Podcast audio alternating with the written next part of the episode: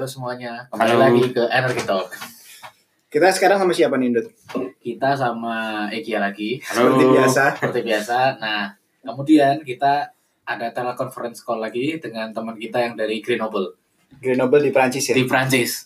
Namanya Andi. Kenalan dulu, Di. Halo, assalamualaikum. Waalaikumsalam, Pak Haji. Ya, halo nama nama nama apa? Nama, nama saya. Apa nama nama gua? Nama gue lah. Nama gua Andi. eh, jadi dulu dulu satu satu satu jurusan lah satu S1 sama sama Ferdi, Egia sama Adrian. Sekarang eh, apa nih? Bahas tentang apa nih? Sekarang lu ngapain, Di? Oh, sekarang ngapain? Sekarang eh, lagi ngambil eh, PhD eh, di di Prancis di Grenoble. Eh, eh, fokus risetnya di microgrid. Nah, pas banget nih. Pas banget ya. Karena uh, topik kali ini tuh kita mau membahas tentang microgrid. Kebetulan sekali kita punya teman yang S3 dan kebetulan Microgrid. iya. Nah, sekarang untuk memulai nih, sebenarnya apa sih di microgrid itu? Pengertiannya, tujuannya apa juga gitu. Ini tapi ini ya disclaimer ya ini kita di sini sama-sama diskusi ya. Jadi kalau misalkan ada yang kurang saling nambahkan lah ya. Aman. Aman di aman. Oke, nah ya jadi jadi jadi microgrid. Uh, microgrid itu apa? Jadi sebelum ke microgrid uh, ada baiknya tahu juga jaringan uh, listrik secara umum, ya kan? Gak apa-apa nih diulang, kayak rada rada jelasin agak ke belakang nggak apa-apa. Sans. Aman. Ya jadi kalau kan kita tahu jaringan listrik kita dari uh, yang konvensional ya, yang yang yang kita tahu yang ada dulu bahwa listrik itu dihasilkan karena ya adanya adanya uh, pembangkit terus juga dari dihasilkan oleh pembangkit dan yang kemudian di ditransport melalui jalur transmisi dan kemudian didistribusikan itu di, uh, didistribusikan ke customer yaitu ke rumah-rumah kita kita sebagai customer. Nah di situ uh, kita tahu bahwa adanya pembangkit adanya adanya transport juga transmisi dan distribusi dan ada usernya ada customernya. Nah jadi di situ kita tahu itu pembangkit itu sentral. Jadi sentral di mana pembangkit zaman dulu itu besar besar sehingga kita butuh yang namanya jalur transmisi ada tegangan tinggi dan akhirnya distribusi ke tegangan menengah. Dan sampai ke rumah-rumah kita Nah, jadi apa itu microgrid? Microgrid itu konsepnya eh, sebenarnya sama kayak eh, jaringan listrik yang konvensional yang dulu. Jadi sesuai namanya micro arti- artinya eh, grid secara kecil lah. Jadi microgrid itu dalam microgrid itu ada ada pembangkitnya juga, ada yang pasti juga ada ada customernya, ada ada loadnya juga, ada customernya juga.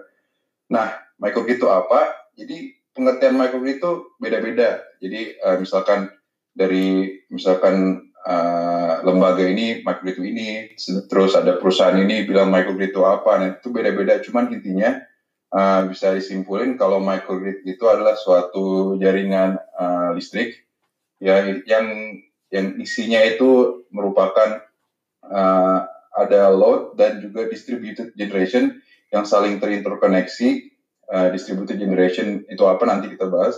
Jadi ada load, jadi satu jaringan listrik kecil yang yang uh, bisa tegangan menengah atau tegangan rendah yang isinya ada interconnected loads dan distributed generation. Dan itu sebagai satu kesatuan sebagai satu kesatuan.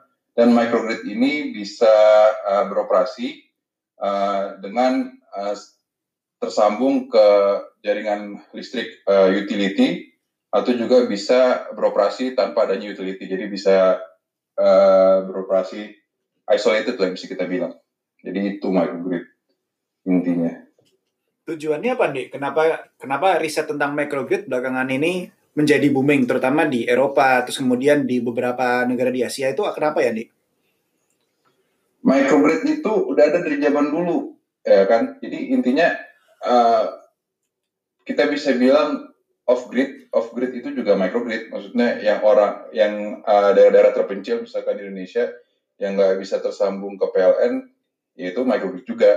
Jadi microgrid itu uh, drivernya banyak ya. Jadi uh, misalkan ada suatu daerah yang isinya cuma uh, pembangkit diesel, uh, terus ada beberapa beban, uh, ya itu juga microgrid gitu. Jadi drivernya beda-beda. Misalkan untuk untuk uh, kalau di Eropa ya mungkin di Eropa itu microgrid itu lebih banyak riset tentang microgrid itu sebenarnya untuk uh, lebih uh, untuk mengoptimasi microgrid lebih lebih ini ya lebih lebih apa namanya lebih biar lebih optimal dari segi dari segi cost dan juga uh, meningkatkan stability di microgrid. Karena kita tahu sekarang juga lagi tren-trennya renewable yang di mana ya renewable kita tahu itu uh, intermittent susah untuk diprediksi kayak kayak misalkan PV PV kan uh, itu ya terkenal dengan terintermitensinya. Nah itu jadi itu karena ada concern masalah stability. Dan kalau dulu zaman dulu kan uh, renewable energy ini belum belum terlalu inilah belum terlalu tren lah. Jadi jadi itu sekarang uh, kalau concernnya concernnya di berbagai daerah tuh beda. Kalau misalkan di daerah-daerah terpencil, misalkan di Asia atau di Afrika ya concernnya microgrid adalah supaya untuk daerah daerah-daerah tersebut bisa mempunyai akses energi. Jadi, nah itu salah satunya. Kalau di Eropa ya tentunya untuk uh, misalkan cost reduction, terus juga bisa meningkatkan reliability dari uh, jaringan listrik mereka dan juga bisa uh, memanfaatkan uh, lebih renewable energy itu itu jadinya. Ini gue punya dua pertanyaan nih yang tiba-tiba muncul. Ya. Yang pertama, ya. ada kayak semacam standar untuk skala microgrid itu nggak sih? Misalnya kayak satu desa atau satu kota atau apa pun itu. Kemudian yang kedua, kalau kita ngomongin microgrid, itu apakah harus tegangan bolak-balik atau bisa tegangan searah ya? Oh, my, kalau microgrid, uh, kalau yang yang kedua tadi ada ada memang yang namanya DC microgrid, ada juga yang AC uh, tegangan searah, ada yang tegangan bolak-balik ada. Jadi ya tapi kan kalau uh, secara umum yang banyak ya tegangan uh, bolak-balik ya karena misalkan untuk uh, daerah uh, inilah daerah daerah terpencil gitu kan rumah-rumah daerah terpencil kan itu orang-orang uh, apa yang mereka kan uh, biasanya umum umumnya itu tegangannya tegangan bolak-balik jadi ya ada cuman ada juga namanya di microgrid itu ada dan tadi pertanyaan pertama apa ya itu ada skalanya nggak sih? Misalnya kayak microgrid itu standarnya untuk satu kota atau standarnya untuk satu kampus atau untuk satu oh. apa gitu? Oh, jadi microgrid itu uh, intinya kan suatu jaringan listrik, uh, jaringan yang yang satu kesatuan jaringan listrik yang terdiri terdiri dari uh, ada distributed generationnya dan ada juga ada loadnya gitu yang dan si mereka saling satu kesatuan dan dikontrol dioptimisasi sehingga mereka itu bisa beroperasi tanpa uh, dengan adanya grid atau tanpa grid. Jadi bisa bilang microgrid itu ada yang kecil, ada yang besar. Jadi uh, kayak contoh misalkan mall gitu, mall itu uh, dia bisa beroperasi tanpa tersambung PLN kalau misalkan ada outage gitu kan. Nah itu bisa dibilang microgrid juga. Dan maupun skala besar misalkan uh, satu daerah, satu komplek gitu, komplek rumah yang lebih besar, yang mungkin bebannya lebih besar dari mall uh, atau satu daerah besar lah yang satu merupakan satu jaringan listrik, nah itu bisa disebut juga microgrid gitu loh. Hmm. Jadi microgrid itu intinya adalah ya satu kesatuan jaringan listrik yang terdiri dari distributed generation uh, dan juga load yang saling dikontrol sehingga bisa uh, beroperasi dengan adanya adanya grid dengan tersambung dengan grid atau tanpa grid gitu. Hmm, menarik. Kalau yang tadi lu bilang soal soal mall pantesan waktu blackout Jawa kemarin Pondok Indah Mall bisa nyala sendiri, dia berarti mungkin microgrid sendiri ya berarti. Itu oh. microgrid. Iya, itu itu bisa dibilang itu juga microgrid gitu. Oh. Nah, di sekarang Jadi itu. Hmm. Uh, kan sekarang kan uh, zaman yang serba smart gitu ya. Ada smartphone macam-macam. Ya. Nah, di grid sendiri tuh ada smart grid gitu. Nah, itu tuh ya. gimana sih? Apa sih sebenarnya smart grid dan beda nggak sih sama microgrid itu? smart grid smart grid itu uh, sebenarnya smart grid itu luas gitu ya. Jadi microgrid itu penelitian dalam microgrid itu termasuk uh, kon, masuk bagian dari smart grid. Kalau smart grid itu pengertiannya luas. Jadi smart grid itu itu ya bisa dibilang uh, jaringan listrik yang yang smart yang artinya dia jaringan listrik uh, suatu infrastruktur listrik yang bisa yang memanfaatkan yang memanfaatkan uh, adanya teknologi informasi atau komunikasi uh, sehingga itu membuat grid itu lebih lebih lebih lebih pintar gitu.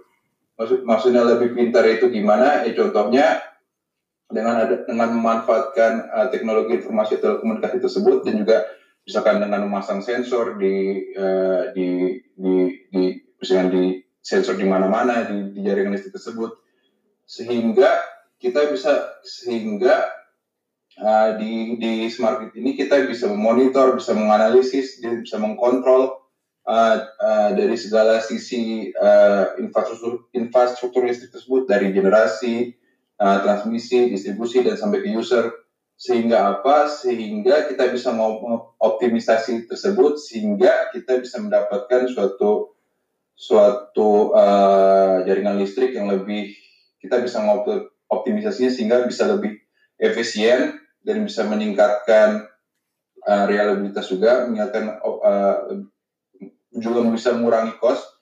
Uh, jadi gitu. Jadi uh, smart itu luas. Jadi smart itu uh, dengan smart grid kita bisa bisa mengintegrasikan renewable energy, bisa bisa mengeplan, bisa merencanakan grid lebih baik dengan adanya komunikasi di antara dan informasi dari beberapa dari dari dari berbagai uh, apa yang bisa dibilang ya uh, uh, titik di transmisi di jaringan listrik tersebut. Dan juga uh, tentunya dengan bisa mengoptimisasi uh, jaringan kita kita bisa mendapatkan suatu uh, keuntungan lah secara ekonomi.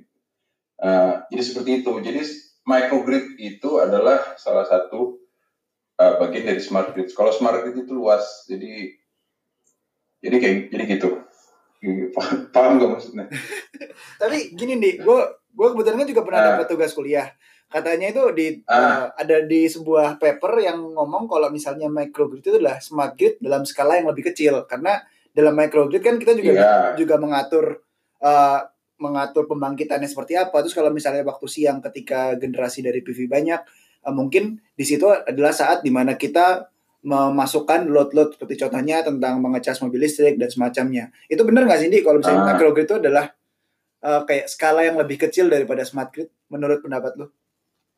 Ya, menurut pendapat gue ya, ya benar. Cuman ya bisa dibilang bukan skala lebih kecil. Maksudnya microgrid itu bagian dari smart grid gitu.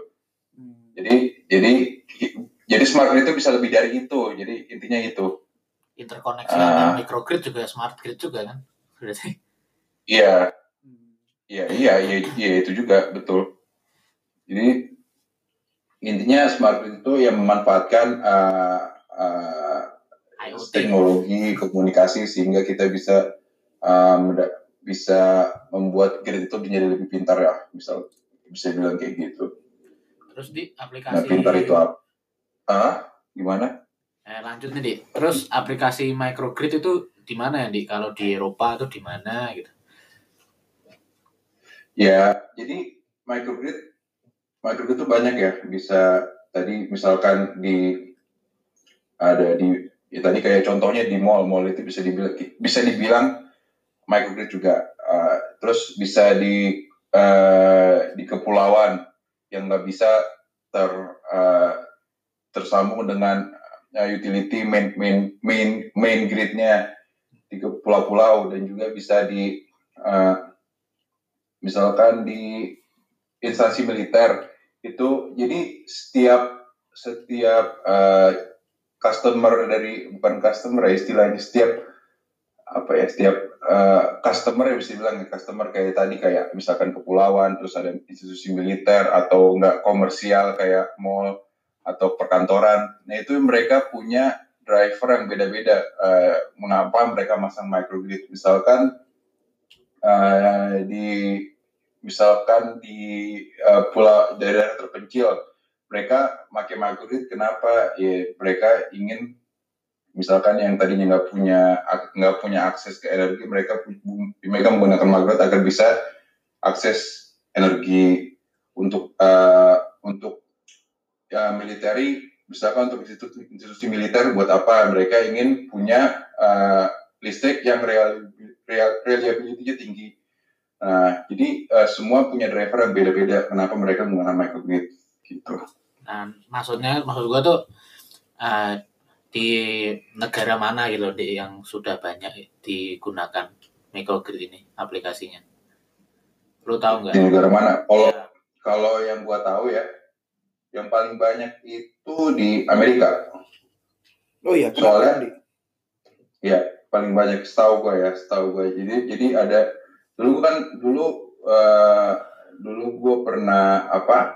Pernah kebetulan uh, kerja juga di di microgrid di di microgrid yang banyak itu di Asia Asia Amerika uh, Eropa itu justru uh, pengembangan microgridnya nggak uh, terlalu banyak ya dibanding Asia dan Amerika. Hmm. Soalnya dan mereka drivernya beda-beda ya. Kalau di Amerika itu drivernya ingin lebih uh, meningkatkan reliability dan juga uh, reliability dan reliability dan security lah bisa dibilang. Karena mereka punya dulu ada cerita bahwa adanya apa badai Harvey ya yang sehingga dengan ada badai itu listrik uh, utility terkat jadi jadi blackout di banyak daerah. Nah itu microgrid itu salah satu uh, kenapa driver terbesarnya itu untuk itu gitu. Bisa mendapatkan listrik dengan reliability yang lebih tinggi kalau di Asia, misalkan di Asia Pasifik, drivernya beda-beda juga. Ya, eh, misalkan tadi akses to energi, itu salah satunya negara-negara kepulauan punya microgrid, nah itu salah satunya. Kalau di Eropa, uh, setahu setahu gue ya, setahu gue di Eropa itu lebih ke uh, untuk mengintegrasi mereka menggunakan microgrid untuk meng, untuk cost reduction dan juga untuk mengintegrasi uh, renewable energy gitu.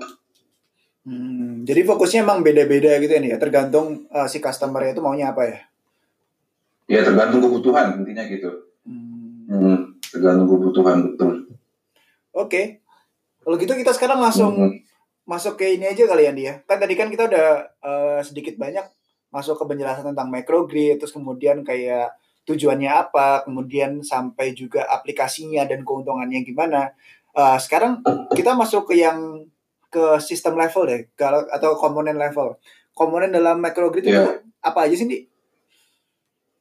Komponen dalam microgrid ya, jadi yang yang pasti ada namanya distributed generation ya. Distributed generation itu ya pembangkit dari namanya uh, generation yang pembangkit, distributed artinya pembangkit yang yang ter, apa ya terinstall ya bisa dibilang terinstall. Terpasang di jaringan distribusi. Itulah distributed generation itu bisa apa? Bisa tahu ya bisa kita tahu bisa ya membangkit uh, diesel atau enggak uh, solar atau enggak wind dan lain-lain. Dan, dan tentunya juga ada ada loadnya ya ada loadnya. Contohnya ya rumah-rumah rumah orang rumah-rumah perumahan itulah. Itu salah satu contoh loadnya. Dan juga yang terpenting itu uh, kontrol. Ada kontrol juga microgrid controller. Nah kalau uh, beberapa komponen lain seperti kalau misalkan microgrid itu tersambung dengan uh, dengan uh, utility itu juga dia harus punya itulah suatu switch yang bisa bisa apa namanya? Bisa yang bekerja bisa supaya saat utility terjadi terganggu bisa switch lah dari utility dari grid connected operation ke islanded operation gitu. Kalau storage dibutuhin nggak nih? Storage storage itu dibutuhin. Ya cuman kan uh, yang kita tahu storage itu mahal. Tapi ya di, kalau ada ya itu storage dibutuhin. Kalau ada storage itu bagus. Cuman storage uh, concern di storage adalah storage itu mahal tapi kan masalahnya di renewable energy kan lagi-lagi kan intermitensinya itu kan padahal microgrid sendiri banyak kan pakai renewable energy itu iya nah harus hybrid atau uh, gimana berarti nah itu itu makanya kita ada yang namanya controller microgrid control. Jadi uh, microgrid control gitu kan. Ya memang uh, dalam satu satu dalam satu uh, sistem itu ya harus ada pembangkit ininya lah yang yang uh, yang misalkan satu pembangkit kalau nggak ada storage-nya ya ada ada pembangkit pembangkit sinkronil bisa kita bilang seperti uh, diesel hmm. yang seperti pembangkit uh, PLTD gitu kan. Nah, gimana kalau intermittency itu diatur dari microgrid controllernya itu? Uh, jadi microgrid controller itu ada intinya ada ada macam-macam ya. Jadi kalau yang biasanya kalau misalkan ini microgrid itu perta uh, pertama operasinya ada dua. Yang satu saat dia terkonek ke utility dan satu saat dia isolated atau terputus dari utility. Kalau dia terkonek dengan utility itu uh, ada namanya microcontroller itu beroperasi sebagai yang kita tahu sebagai uh, energi uh, jadi yang mengontrol energinya lah, mengontrol energi ya, gimana yang gimana eh, yang gimana kontrol itu mengatur agar uh, kita lebih cost efektif, lebih cost lebih efisien uh, dan juga dan juga bisa diatur sesuai dengan kebutuhan uh, sistem. Uh, dan dia mengikuti uh, grid grid main utility-nya. Hmm kalau dia dia terputus dari dari uh, dari dari utility kontrol itu kita namakan power uh, power control jadi yang penting di, di kontrol itu tujuannya agar sistem itu stabil dari segi tegangan dan frekuensi itu harus dijaga jadi itu bedanya oh jadi kalau nah, misalnya sebenarnya role role-nya itu ada di controllernya oh. oke okay. hmm. jadi kalau misalnya dia ketika dia stand alone stand alone operation gitu fokusnya dia tuh ngejaga yeah. voltage sama frekuensinya gitu ya dia dia nggak begitu mempermasalahkan harga energi itu sendiri Enggak, soalnya soalnya saat dia saat dia terputus dari utility, dia kita maunya kita punya listrik ya kan? Hmm.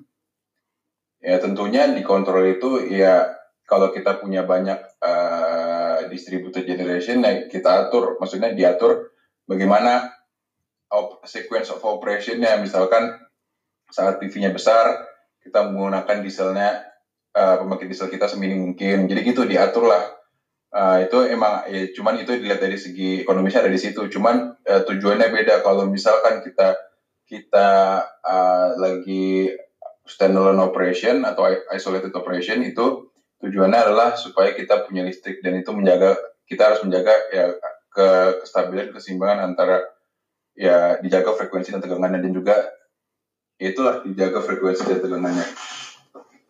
Jadi, uh, waktu itu kan gue kuliah di Grenoble yang sempat ketemu yeah. juga waktu itu. Pembicaranya dari salah seorang orang yang di Schneider. Nah, dia yeah. tuh, dia tuh ngomong kalau misalnya dalam pengoperasian microgrid itu sendiri itu eh, nggak uh, bisa dipisahkan dari yang namanya big data. Nah, salah satu big data itu dia mention soal tentang kondisi cuaca. Nah, itu gimana sih, Di? Maksudnya? Ya. Kalau itu itu lebih ke microgrid ini ya, microgrid yang lagi tersambung ke yang bukan yang lagi beroperasi grid lagi grid connected ya. Uh, gue gue nggak tahu sih waktu itu. Gue masih sebenarnya sampai sekarang juga masih bingung apa apa faktor cuaca dalam uh, menginfluence kinerja dari microgrid itu sendiri. Ya, jadi kan uh, kita tahu ya kalau lagi grid connected, ya tujuan kita adalah untuk bisa mengoptimisasi uh, energi kita sehingga kita bisa menghasilkan ya bisa menghasilkan bisa mengurangi lah uh, energi bill kita gitu kan. Nah, jadi jadi gini uh, kalau itu itu dari Snyder ya tadi lu bilang ya? Iya. Yeah. Iya, jadi di waktu itu gue juga kebetulan uh, di Snyder. Jadi uh, mengapa mengapa butuhnya butuh weather forecast itu yaitu untuk memprediksi misalkan uh, bagaimana uh, produksi solar kita ke depannya gitu. Karena akan ada akan ada namanya demand response atau enggak uh, demand response itu ya kita uh, kita sebagai user kita jadi demand response itu adalah kita uh, sebagai uh, customer kita merespon terhadap kita merespon terhadap perubahan beban gitu. Misalkan yang yang yang di yang di yang diperintahkan oleh utility misalkan demand response itu ada macam-macam. Ada misalkan uh, big shaving ada ada load shifting ada macam-macam lah. Jadi intinya kita misalkan ada utility oh uh, diprediksi bahwa nanti ke depannya uh, kita jadi kita partisipasi ke demand response. Jadi ke depannya nanti misalkan kita butuh uh, utility butuh untuk uh, untuk supaya kita nge ngekat inilah ngekat ngekat uh, uh, ngekat uh, uh, load kita. Nah itu bisa dapat dari mana forecast itu ya dari big data itu gitu misalkan. Kenapa utility? Jadi semuanya itu utility kan bisa nge-forecast uh, demand kita gimana, produksi produksinya juga gimana ya dari dari situ gitu loh. Jadi adanya big data itu ya untuk untuk hal tersebut untuk supaya bisa bisa dilakukan optimisasi dari energi kita itu intinya. Nah kita tadi kan udah bahas banyak nih tentang komponen-komponen apa aja di microgrid. Nah sekarang uh, kita langsung masuk aja ke diskusi nih. Jadi kita punya dua panelis kira-kira Andi dan Egi ya. nah, nah di keuntungan sebenarnya keuntungan dari microgrid sendiri apa sih, Di? keuntungan dari microgrid? Ya, ya jadi. Yang paling utama adalah meningkatkan reliability dan dari dari jaringan listrik tersebut. Jadi uh, yaitu salah salah satu keuntungannya. Jadi keuntungan yang lain juga dengan microgrid kita uh, bisa yang namanya me, bisa cost saving lah dengan mengontrol uh, misalkan renewable energy itu dengan motor renewable energy itu bisa salah satu keuntungannya microgrid. Yang paling utama adalah uh, meningkatkan uh, reliabilitas ya, reliabilitas dari uh, jaringan listrik tersebut. Karena apa?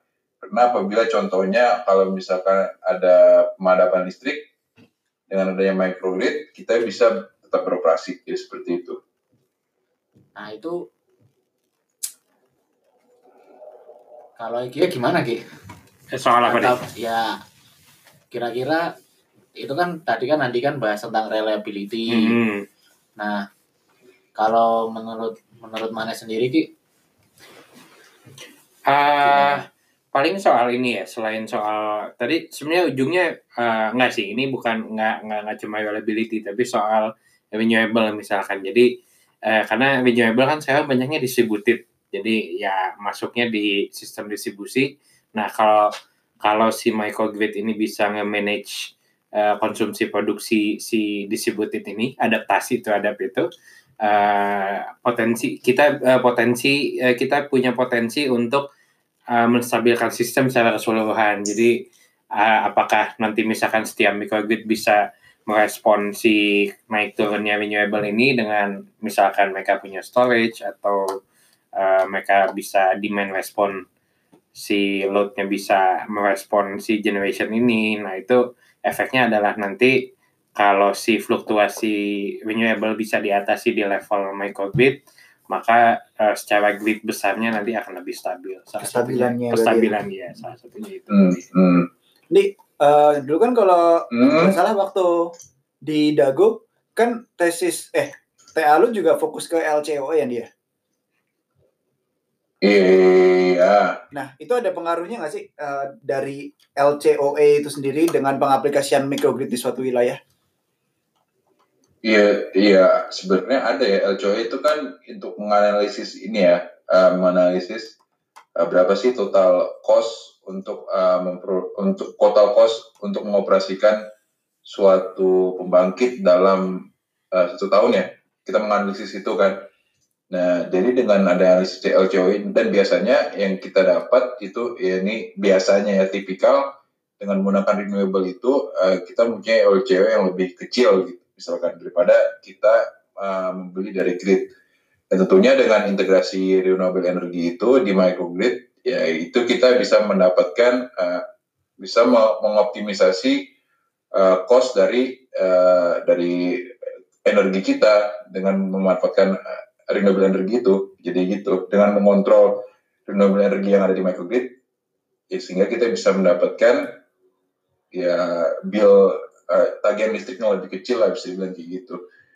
Jadi ada related itu ya related memang kalau menurut menurut menurut gua ya. Itu yang tadi lo bilang EMS ya, Energy Management System ya? Management System. Iya. Ya. Gitu. Oke, kalau dari challenges-nya nih di tentang pengaplikasian dari ya. itu, menurut lo gimana?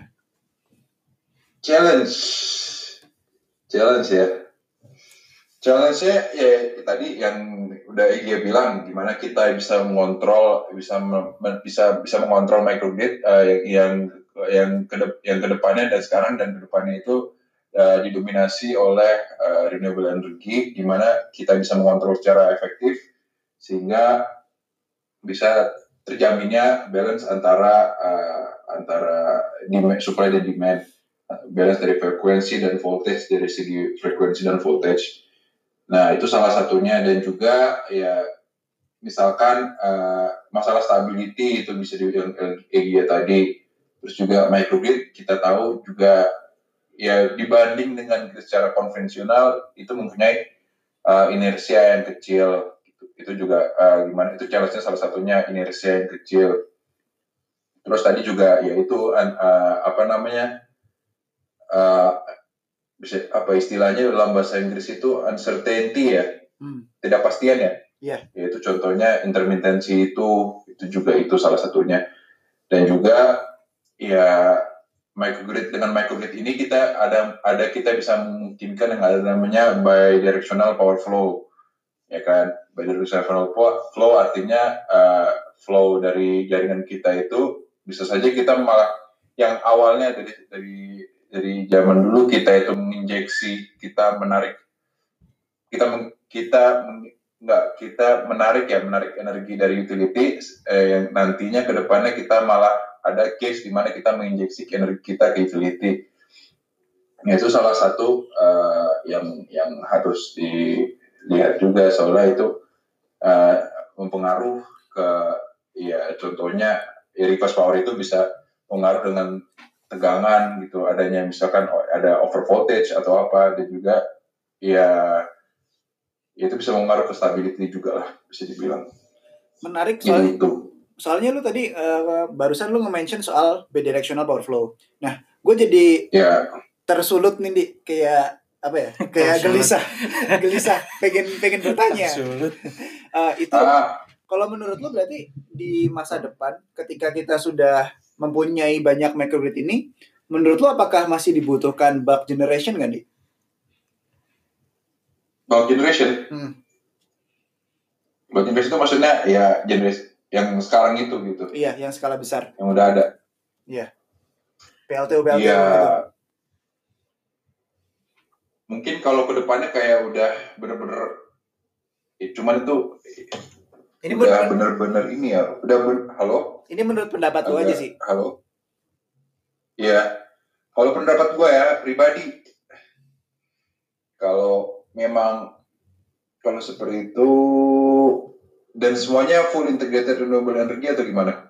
Iya, dengan maksudnya dengan sistem berarti sekarang misalnya di Prancis nih dia sudah terbagi-bagi oleh bukan lagi suatu dia sebenarnya masih memiliki grid utama, masih memiliki utility, tapi sistem di Perancis itu sendiri mungkin di masa depan sudah memiliki banyak microgrid sendiri yang terinterkoneksi, saling terinterkoneksi antara satu kota atau antar satu kampus gitu. Nah, ketika kondisinya seperti itu, apakah kita masih butuh pembangkit pembangkit-pembangkit besar nggak sih ini?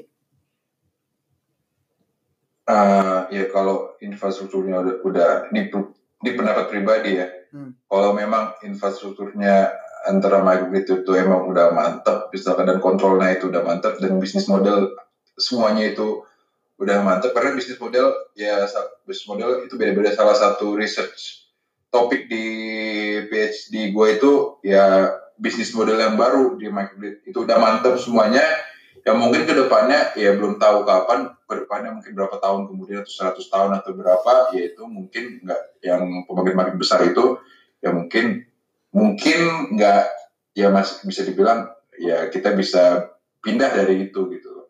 Bisa menggunakan uh, microgrid yang saling terhubung gitu. Mungkin bisa.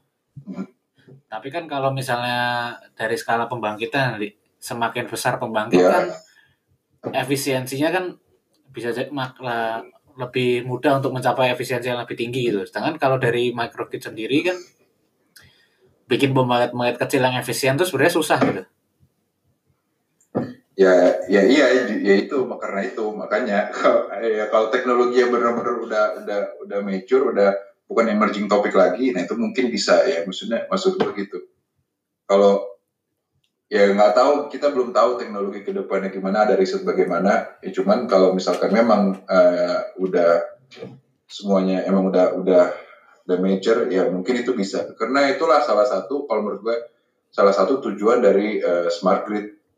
Yaitu kita bisa mengintegrasi bisa mengintegrasikan uh, pembangkit-pembangkit yang uh, distribu yang terdistributed itu. Karena distributed generation tentunya uh, uh, poin plusnya banyak poin plusnya kan banyak itu eh, itu uh, dekat distributed generation itu dekat dengan load dengan load kita dan juga ya tanpa adanya kita butuh ditransport ditransport dari jarak jauh itu kan bisa itu kan itu itu semua losses dan biaya. Nah itu salah satunya itu.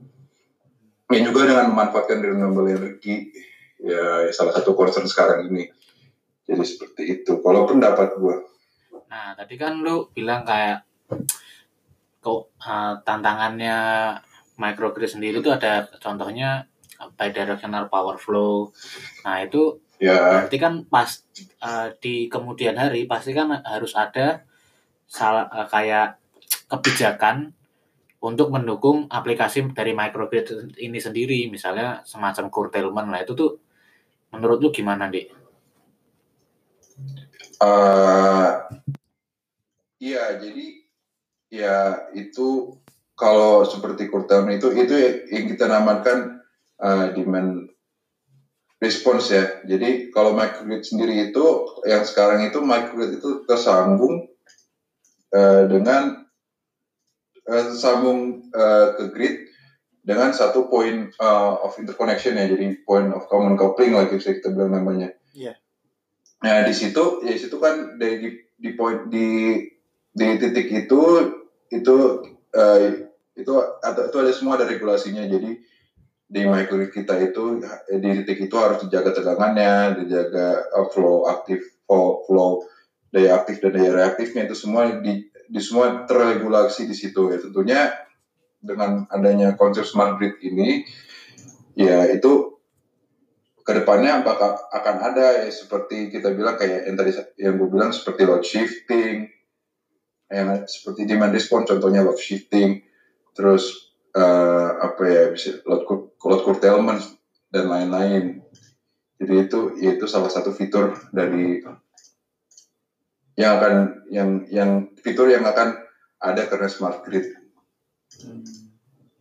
Tapi kalau misalnya itu kebijakan itu mau diaplikasikan kayak curtailment ataupun misalnya load shifting itu kan sebenarnya kalau dari sudut pandang konsumen tuh kayak mengganggu gitu kan di kayak misalnya gue gue mau pergi nih ya gue mau ngecas baterai gue ya di pagi pagi hari atau gue mau misalnya mau pergi gue mau masak gue mau uh, melakukan segala aktivitas di, ya di pagi hari kalau misalnya ada load shifting itu sebenarnya kan kayak mengganggu kenyamanan gak sih? Iya, gimana ya? Itu ada iya juga, cuman ya, ya love shifting itu yang setahu gue ya kayak misalkan eh, eh, load shifting, ya load shifting itu artinya kita menggunakan be- menggunakan eh, appliances kita, istilahnya alat-alat elektronik kita kita shift, misalkan dari dari malam ke ke ke ke dari malam ke pagi misalkan yang contohnya mesin cuci gitu. Iya memang ada ya itu itu ke depan. Ya memang mengganggu kenyamanan ada ada iya cuman itu semua kebijakan kita kita bisa ikut berpartisipasi dan berpartisipasi untuk melakukan itu atau tidak. Cuman dengan kita melakukan itu tentunya kan kita mendapatkan insentif juga kan. Sepertinya contohnya kita bisa bisa mendapatkan insentif seperti uh, listrik kita mendapat potongan itu kan kita juga kita dapat hubungan itulah timbal balik lah ada hubungan timbal baliknya jadi gitu lah jadi itu bukan Jadi gitu enggak. Bukan kayak sukarela gitu kan? Berarti harus ada insentif dari sistem operator itu sendiri kan? Iya, ada ada insentifnya itu semua ya, ada regulasi lah istilah ya ada, ada insentifnya. Betul. Pasti dengan dengan kita menjadi balance responsible player kan berarti kan kita juga ikut berkontribusi dalam menjaga kestabilan grid. Maksudnya kayak berarti harusnya dari sistem operator sendiri dan hal ini adalah regulator, mereka juga harus siap memberikan uh, insentif tergantung dari seberapa besar kontribusi kita terhadap menjaga kestabilan itu kan berarti. Iya betul, iya iya, iya betul seperti itu ya. Uh, betul. Oke, kita sekarang ya. kembali ke Egia lagi kayaknya, hmm. Ya. Egia udah terlalu lama diam nampaknya. Terus Ki, ini Ki. Uh, tadi kan kita udah diskusi banyak tentang microgrid nih. Nah, dampaknya microgrid terhadap pricing listrik itu gimana sih, Ki? uh, kalau di sistem market yang sekarang kan kayaknya belum mengakomodasi pemain-pemain yang benar-benar kecil. Jadi uh, kelihatannya potensi microgrid untuk masuk di situ adalah bagaimana si microgrid ini dia bisa mengkonsolidasi uh, produksi dan konsumsi di suatu microgrid itu, uh, lalu nanti diatur supaya uh, menguntungkan kedua belah pihak. Misal nih kalau sekarang kan kayak uh, PV yang PV yang di atap itu nggak diatur kan. Jadi misalkan di satu LT ini ya sudah itu nggak nggak ada microgrid tidak diatur uh, konsumsi generationnya jadi begitu siang hari generationnya tinggi ya sudah listrik diinjek ke sistem sampai ke upstream. Padahal di satu di lain pihak kalau lagi siang konsumsi listrik misalkan tidak begitu besar jadinya karena suplainya tinggi maka harga turun. Jadinya uh, yang produksi listrik ini dibayarnya kecil. Dengan asumsi bahwa si yang punya PV rooftop ini nggak dapat fit-in tarif ya. Misalkan dia tarifnya tarif market maka dia dibayarnya dengan yang kecil gitu nah bisa aja mereka gitu ini misalkan satu RT nih atau terlalu kecil lah misalkan satu kecamatan uh, mereka konsolidasi jadi mereka punya uh, uh, storage device hmm. baterai misalkan dalam skala kecamatan dan mereka atur tuh kira-kira nih misalkan kalau siang hari uh, listrik lagi nggak banyak yang butuh kalau kita banyak generation PV kenapa nggak kita simpan di baterai misalkan nah nanti malam nih misalkan kita lagi butuh listrik uh, baru dikeluarin tuh. Jadi uh, ini jadi peak shaving juga. Nah keuntungannya buat si microgrid apa? Jadi si mereka nanti listrik yang diproduksi oleh PV tadi misalkan bisa dijual dengan harga yang lebih tinggi. Uh, on the other hand si pengguna listrik yang lain karena tadi uh, ini kan peak shaving istilahnya. Jadi uh, kalau di peak kan cenderung harga listrik mahal karena yang produksi listrik adalah pembangkit-pembangkit besar. Nah, karena kita punya si microgrid ini bisa nge-supply, nah jadi harga listriknya turun. Jadi win-win solution sebenarnya si uh, microgrid, owner microgrid tadi, orang-orang yang tergabung di microgrid mereka bisa menjual listriknya yang kelebihan tadi di waktu yang lain dengan harga yang lebih tinggi dan orang lain yang jadi konsumennya bisa dapat isi dengan harga yang lebih murah. Nah, salah satunya itu. Nah, kalau ke depannya sendiri seperti yang jadi topiknya Andi tadi nih, uh, mereka mulai mengembangkan peer-to-peer trading. Nah, uh, jadi kalau tadi uh, istilahnya satu microgrid dia consolidate, terus nanti masuk ke market sebagai gabungan mereka itu, nah gimana kalau misalkan si orang-orang individu yang di microgrid tadi mau uh, berpartisipasi aktif nih. Jadi mereka nggak cuma udahlah diatur aja sama si adminnya nih yang satu kecamatan, tapi mereka mau coba ikut nih. Gimana kalau gue misalkan nyuci baju pas agak listrik murah segala macam, terus dia jual listrik ke tetangga langsung misalkan, nah itu itu tapi kayaknya untuk untuk uh, research ke depan ya. Mungkin Andi lebih tahu kayaknya karena topiknya bahas ini. Tapi itu salah satu potensi uh, efek microgrid terhadap harga listrik dan sistem market itu sendiri. Tapi Ki, kalau sistem market kayak vertically integrated itu berarti Nah, itu dia kalau kayak di kan kalau mungkin aja nih misalkan kayak tadi yang kita bilang bahwa kita mau aggregated aja nih. Jadi satu kecamatan mereka jadi kalau misal nih di Indo nih. Jadi satu kecamatan tuh PLN misalkan melihat satu kecamatan ini sebagai satu let's say satu company atau satu apa gitu. Jadi nanti mereka dealingnya pada satu kecamatan itu sebagai satu microgrid gitu. Bisa aja sebenarnya. Cuma kan mungkin jadi lebih sulit karena kalau selama ini kalau mau berperan aktif kalau di vertical integrated itu gimana? Karena kayak misalkan sekarang misal di Indonesia kan masih kepada PLN dengan IPP yang pembangkit yang dispatchable istilahnya. Nah, jadi eh, apakah nanti di satu kecamatan itu misalkan ada orang yang mau ngurusin itu gitu. Jadi mereka dealing dengan PLN bahwa mereka bisa ngitung, oh, oke kita bisa menyediakan listrik sekian pada jam sekian gitu. Sebenarnya bisa aja cuma memang dari aturan kayaknya sampai saat ini nggak ada lah belum ada yang mengakomodasi hal itu. Tapi eh secara mung- kalau dibilang mungkin sih mungkin. Cuma memang kayaknya untuk sekarang belum ada yang mengakomodasi itu dan sepertinya masih agak terlalu jauh juga karena toh di sini pun kayaknya microgrid mostly masih research kan gitu nggak tahu eh, kurang update juga sih apakah yang soal aggregated tadi emang udah Hmm. ada yang aktif seperti itu gitu mungkin nanti Andi lebih tahu cuma eh, Iya. kayaknya sampai sekarang masih research sih microgrid jadi ya secara kemungkinan bisa tapi ya eh, applicable atau tidak untuk saat ini mungkin belum nggak nggak juga kayaknya Gimana dia ada tanggapan nggak? Iya.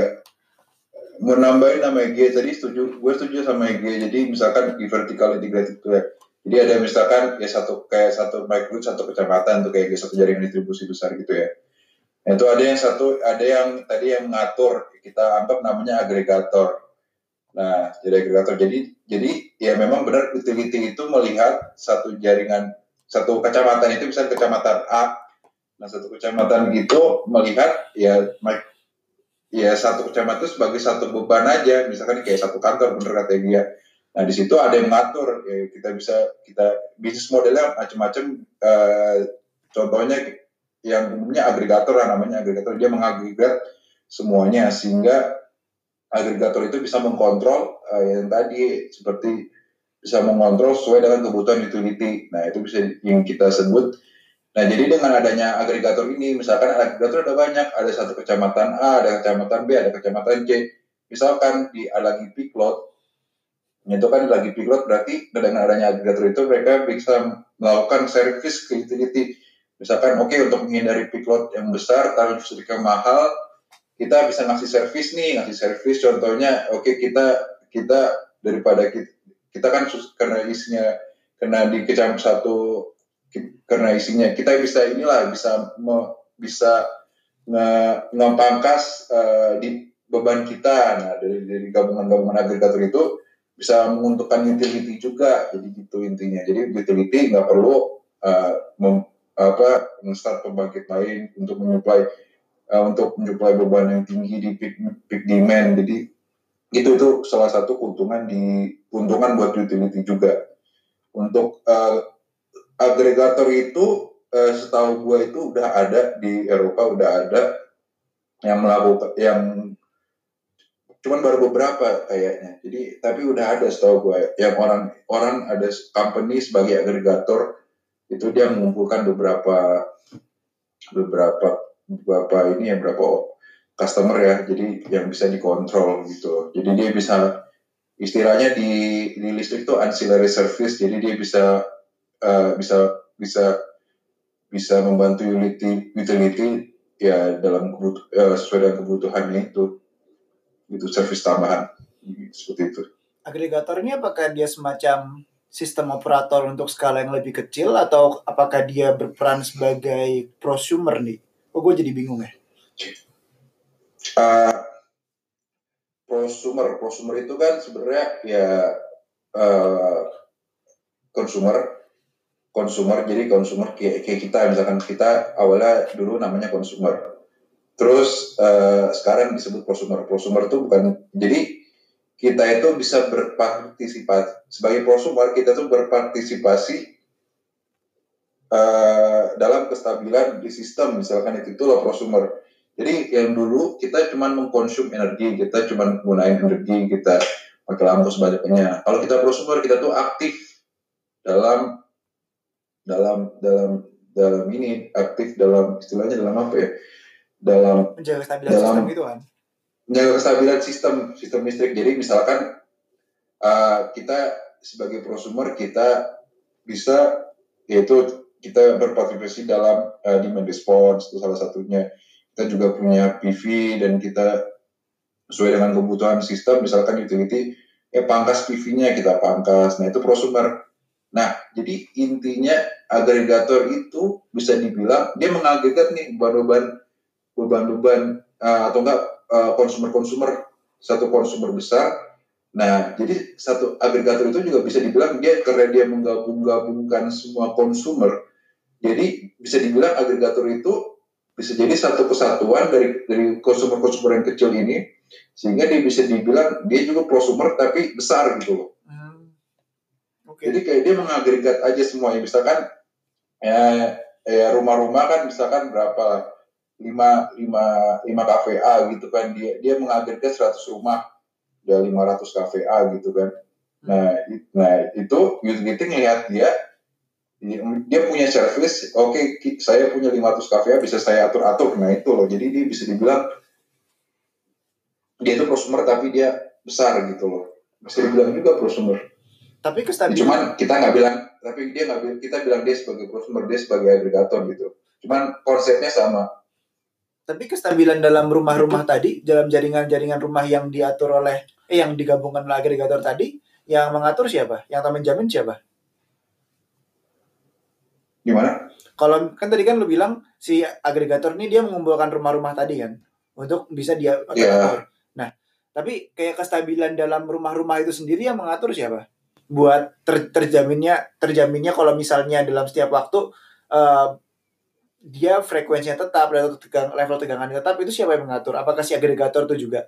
Maka tadi gua nanya apakah agregator jadi jadi eh, consumer jadi gini kalau misalkan dari segi bisnis eh, consumer dia agregator dengan utility nih ya kan dia Hmm. punya perjanjian utility nah consumer ah, punya perjanjian dengan agregator jadi ada 100 consumer mereka eh, mereka nggak tahu utility butuh apa mereka tahunya agregator kita Oh. berpartisipasi di agregator dengan agregator ini nah nanti agregator ini akan ngasih sinyal oke di sini kamu mati kamu mati kamu mati ini kamu mati ini gitu misalkan gitu Hmm. Nah, dengan dengan dia berpartisipasi dengan agregator ini tentunya agregator ini bakal ngasih insentif ke konsumer-konsumer ini gitu loh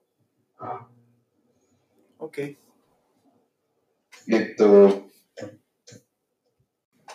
Oh, ini kan waktu Oi. itu waktu di Green Up lu kan ngomong kalau lu pernah kerja di sebuah perusahaan yang di Prancis itu dan lu bilang kalau misalnya konsumen-konsumen lu waktu itu tentang bagaimana sebuah perusahaan-perusahaan besar itu mereka pengen berubah menjadi perusahaan mereka pengen merubah sistem kelistrikan mereka menjadi aplikasi microgrid. Nah, itu di sini gue jadi pengen nanya Ah. nih, di gimana sih caranya kalau misalnya Ah. kita punya sistem kelistrikan yang awalnya bukan microgrid tapi kita pengen rubah nih menjadi microgrid itu Hmm, gimana ya caranya?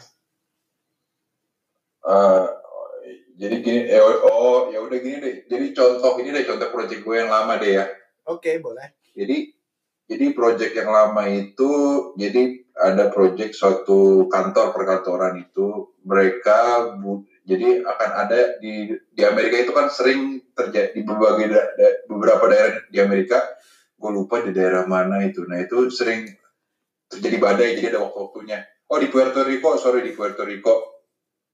Nah Puerto Rico itu dia ada musim badainya gitulah. Nah dia kan sebagai perkantoran dia nggak mau ini kan nggak mau uh, listriknya padam. Kalau misalkan uh, utility-nya padam nah sehingga dia ingin uh, mengaplikasikan microgrid. Nah dia tuh tadinya dia sebelumnya itu dia cuman ngerilai dari utility aja listriknya. Jadi dia bukan dia nggak punya distributed generation nggak punya apa-apa cuma load aja. Dia punya backup uh, UPS untuk uh, load-load kritikal cuman itu aja. Cuman ya jadinya gitu. Jadinya dia ingin punya microgrid. Nah bagaimana? Jadi Tentunya dia harus invest ya, ya tadi eh, komponen-komponen penting di microgrid itu butuh yang namanya distributed generation. Ya, dia invest di distributed generation. Dia kemarin itu dia invest di uh, pembangkit uh, diesel, uh, pembangkit diesel, dan juga dia invest ke so, uh, di solar.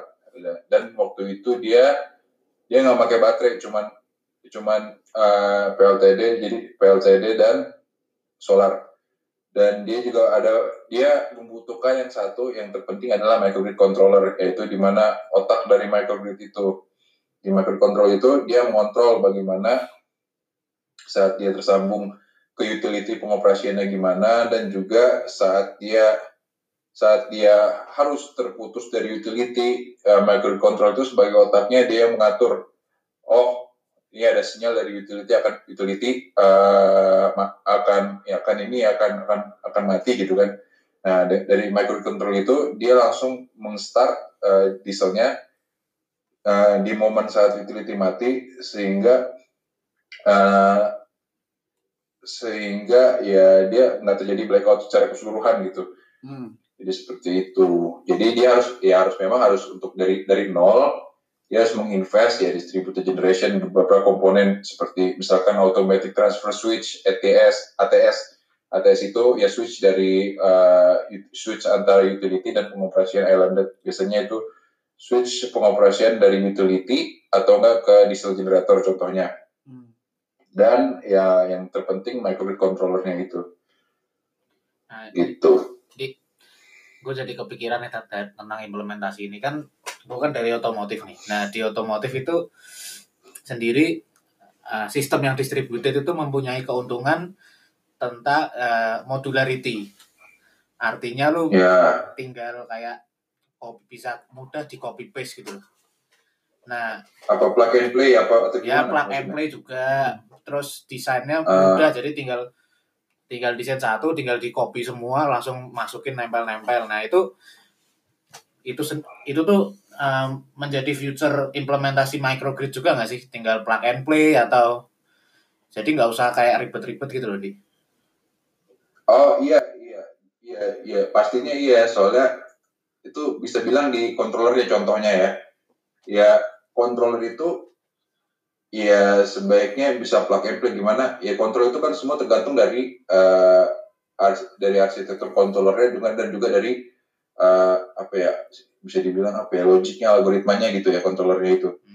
Nah dengan uh, develop development yang bagus tentunya ya itu bisa terjadi plug and play itu dengan ya pastinya ada beberapa konfigurasi yang harus dilakukan misalkan uh, di site A uh, kita punya 5 PV sedangkan di site B kita punya satu PV dan hanya konfigurasi kecil, konfigurasi kecil lah tentunya yaitu salah satu uh, development yang akan yang dilakukan yang development di microgrid itu ya tentunya mengarah ke situ gitu. Di kalau ngomongin soal microgrid kan kayaknya peran PV nggak bisa dihindari kan, karena hampir semua microgrid pasti salah satu komponennya PV, salah satu komponennya solar gitu-gitu. Nah, ini ada nggak sih, Di? Sementara tadi kan lu bilang kalau misalnya PV itu sendiri, masalahnya adalah intermitensinya dan faktornya di inersia. Ada nggak sih solusi atau kontrol supaya mencegah dari apa ya peran atau kurangnya inersia itu sendiri dari akibat masuknya PV ke dalam sistem?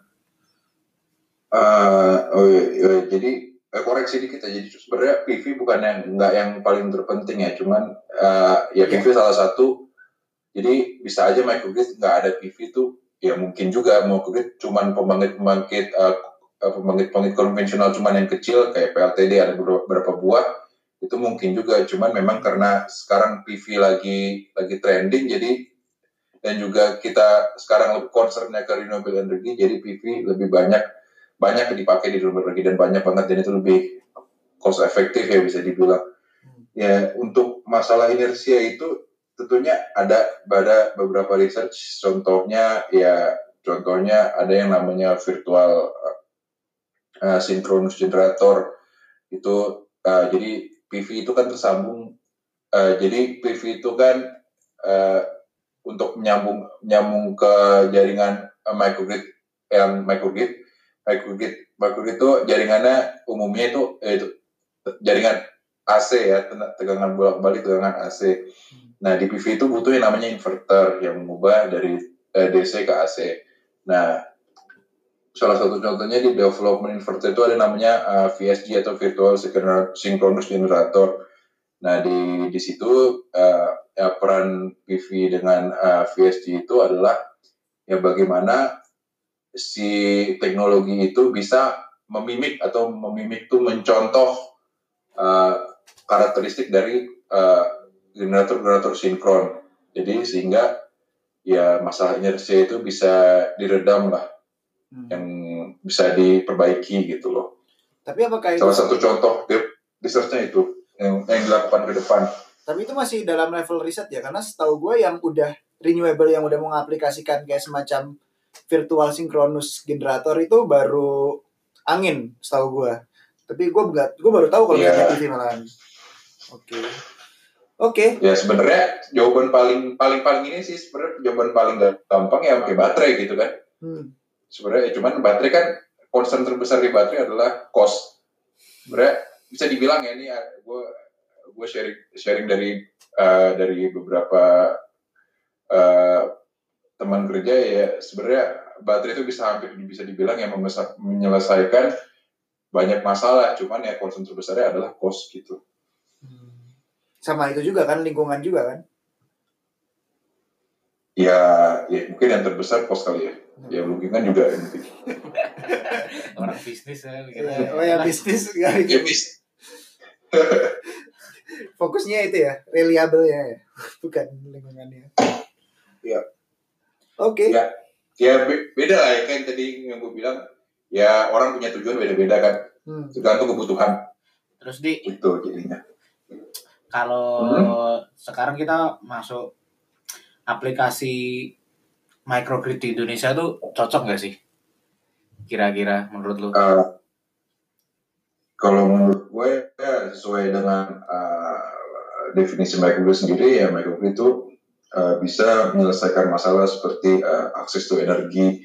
Jadi dengan pengaplikasian microgrid contohnya di pulau-pulau kecil yang terpencil atau misalkan daerah-daerah terpencil yang belum yang nggak visible eh, untuk eh, tersambung ke jaringan PLN yang microgrid salah satu eh, solusi yang baik untuk Indonesia kalau menurut gue itu. Jadi daripada kita eh, mesti menginvestasi untuk menyambungkan eh, jaringan eh, PLN ke daerah terpencil tersebut ya lebih baik. Kalau misalkan itu lebih efektif dan lebih cost efektif menggunakan microgrid ya tentunya ya microgrid bukan salah satu solusi yang bagus untuk Indonesia ya karena concern Indonesia kan rasio elektrifikasi Indonesia belum masih belum belum belum 100% gitu ya masih banyak daerah-daerah yang belum eh, terpapar listrik lah bisa dibilang kayak gitu. Hmm. Kalau menurut Maneh sendiri gimana gitu? Eh, benar sih yang Andi bilang tadi soal eh, daerah terpencil karena kayaknya tesis teman-teman kita juga ada tesis TA dulu waktu zaman di Dago juga ada yang tentang itu kan Iya. Eh, terus karena nggak cuma di terpencil mungkin di daerah daerah-daerah yang sudah terjangkau listrik juga. Mungkin bisa salah satu ada potensi microgrid untuk diaplikasikan ya karena eh, sepertinya di luar Jawa keandalan listrik masih belum terlalu bagus. Hmm. jadi kalau Oh, terus ya terus kita kan punya kita potensi uh, renewable-nya tinggi katanya potensi apa eh, PV gitu-gitu. Jadi kalau itu digabung terus kita bikin microgrid mungkin bisa meningkatkan reliability. Tapi perlu Iya. perlu research lebih lanjut sih kayaknya. Tapi sebenarnya kalau ngomongin tentang aplikasi ini jadi menarik bahwa Indonesia sendiri itu merupakan negara yang prone akan bencana gitu. Oh iya iya. Itu kan betul. menurutku ya dengan adanya microgrid kan bakal meningkatkan resiliensi gitu kan Ah iya Misalnya, ya betul kan? betul ya ya ya. Ini kemarin teman-teman juga ada yang tugas kuliahnya tentang resiliensi dan bencana itu. Hmm. Itu benar bisa untuk meningkatkan resi resiliensi bahasa Indonesia-nya apa ya?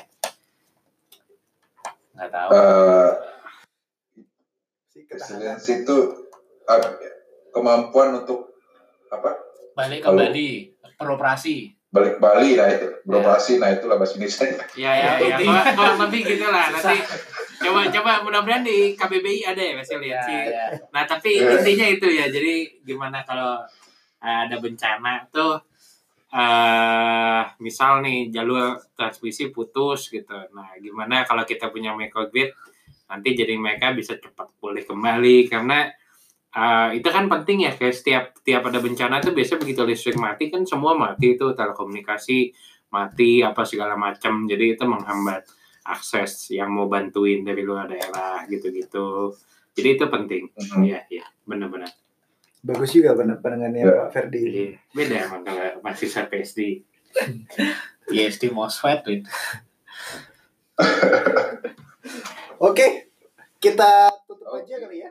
Iya, udah udah panjang Iya. nih, udah lebih dari sejam. Oke, kita minta Bapak Andi Putra Tama Siregar untuk menyimpulkan pembicaraan malam ini. Nyimpulkan, aduh, oke. Jadi ya, jadi microgrid itu. Jadi kita bahas tentang microgrid. Microgrid itu adalah suatu dari namanya microgrid, artinya jaringan listrik eh, yang kecil, yang di mana artinya adalah suatu grup dari interkoneksi suatu grup eh, distributed generation dan dan eh, loads atau beban yang saling terinterkoneksi ya, yang yang yang yang yang, yang di mana mereka itu saling menjadi satu kesatuan eh, dan di jaringan tersebut itu itu dia bisa dia bisa beroperasi dengan eh, dengan bersa dengan tersambung dengan eh, utility atau enggak secara islanded itu inti itu itu adalah definisi dari microgrid. Nah microgrid itu tentunya eh, menghasilkan ini ya eh, benefit contohnya membuat energi eh, energi lebih reli- reliable kita bisa memanfaatkan lebih banyak eh, energi terbarukan. Dan juga kita dari micro eh, dari micro kita bisa meningkat paling penting adalah meningkatkan rel- reliability dari dari eh, dari listrik kita. Dan juga kita bisa eh, dengan optimisasi di microgrid kita bisa mengurangi eh, tagihan listrik kita. Dan eh, jadi drive itu ada macam-macam. Eh, itu eh, drivernya macam-macam yang tadi sesuai dengan benefitnya. Dan customer dari microgrid itu ada macam-macam. Contohnya ada di berbagai daerah itu macam-macam. Contohnya Indonesia jadi yang udah gue bilang eh, bahwa eh, lebih ke akses to energi. Dan kalau misalkan di Eropa atau di daerah lainnya contohnya di Amerika itu lebih eh, untuk resiliensi dan juga untuk di Eropa misalkan di institusi militer itu lebih membutuhkan reliability. Jadi driver dari customer-customer microgrid itu berbeda-beda. Dan microgrid ini adalah sesuai dengan yang Adrian kata bilang tadi sebelumnya adalah bisa dibilang sebagai bagian dari smart grid. Itulah microgrid. Terus ya mungkin itu dari gua ada yang menambahkan Tambahin Ki. Eh, soal apa nih? Jadi soal harus menyimpulkannya tadi apa ini aja nih? Pandangan aja nih. Soal yang market juga mana juga bisa tadi. Saya Oh menarik. gitu. Jadi ha, microgrid itu potensi di marketnya adalah eh, untuk kondisi saat ini dengan sistem market design saat ini potensinya adalah eh, mereka bisa bergabung jadi satu gitu satu kelurahan terus satu kecamatan terus mereka jadi satu kalau dilihat secara dari marketnya itu sendiri mereka itu digabung jadi satu satu entity gitu. Dan mereka bisa mengorganize let's say konsumsi dan eh, produksinya sendiri supaya nanti eh, mereka bisa dapat keuntungan lebih. Misalkan kalau tadinya listrik dilepas gitu aja nah ini mereka atur sendiri. Misalkan kalau lagi murah listrik berlebih mereka produksi nggak usah disuplai langsung simpan di baterai nanti dijual saat, saat harga lebih tinggi dan itu jadi win-win solution karena buat mereka mereka bisa jual listrik dengan harga yang lebih mahal buat yang nyari listrik juga bi- mereka bisa dapat listrik dengan harga yang lebih murah dari sebelumnya karena kalau lagi peak kan harga cenderung lebih mahal. Nah kalau ke depannya sendiri eh, bisa dikembangkan kalau misalkan orang per orang nih mau ikut mau jualan listrik sendiri lah istilahnya gitu. Jadi gimana kita bisa beli listrik ke tetangga kita sendiri kalau memang itu lebih murah seperti itu. Tapi itu masih ke depannya sih. Hmm. Kalau untuk pengaplikasian di Indonesia, Ki, menurut mana? eh itu tadi eh, yang dibahas oleh Andi tadi kalau nggak salah soal gimana kita bisa melistriki daerah-daerah terpencil yang kalau bangun transmisi hitungannya jadi sangat mahal karena penggunanya sebenarnya sedikit. Gimana? Kenapa nggak kita coba gunakan microgrid supaya eh, ya sudah self sufficient aja dia menyediakan listriknya sendiri bisa dengan PV atau apa pun itu. Eh, jadi kita nggak usah bangun transmisi yang gede atau misalkan kalaupun di daerah-daerah misalkan bukan daerah terpencil atau di, eh, di luar Jawa yang sebenarnya daerah tidak terpencil misalkan Sumatera atau Kalimantan tapi kan katanya listrik masih suka biarpet nyala mati nyala mati nah bisa jadi microgrid ini kalau diberdayakan dengan baik bisa meningkatkan reliabilitas lalu tadi Ferdi bilang juga soal resiliensi. Hmm. karena kita kan eh, rawan bencana alam. Terus biasanya begitu bencana alam itu rusak listrik eh, infrastruktur listrik jadi listrik mati. Lalu komunikasi terputus segala macam. Nah gimana kalau dengan microgrid ini? Eh, karena setiap daerah istilahnya bisa menyediakan kebutuhan listrik sendiri nanti begitu eh, impactnya jadi tidak nggak besar. Mereka bisa langsung nyalain listrik bisa menyediakan sendiri. Jadi walaupun infrastruktur transmisi rusak misalkan mereka tetap punya listrik dan itu jadinya mensupport uh, proses rehabilitasi setelah bencana itu sendiri gitu.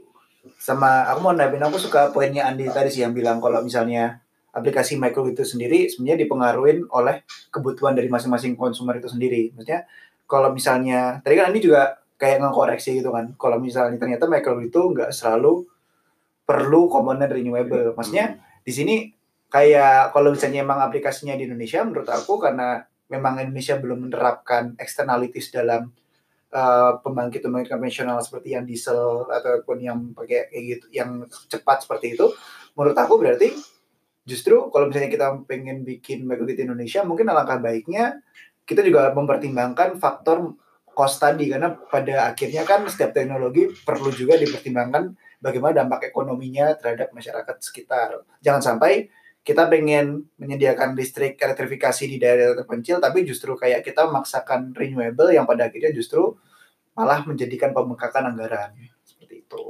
Intinya lihat dulu lingkungannya Iya. tepatnya apa. Hmm.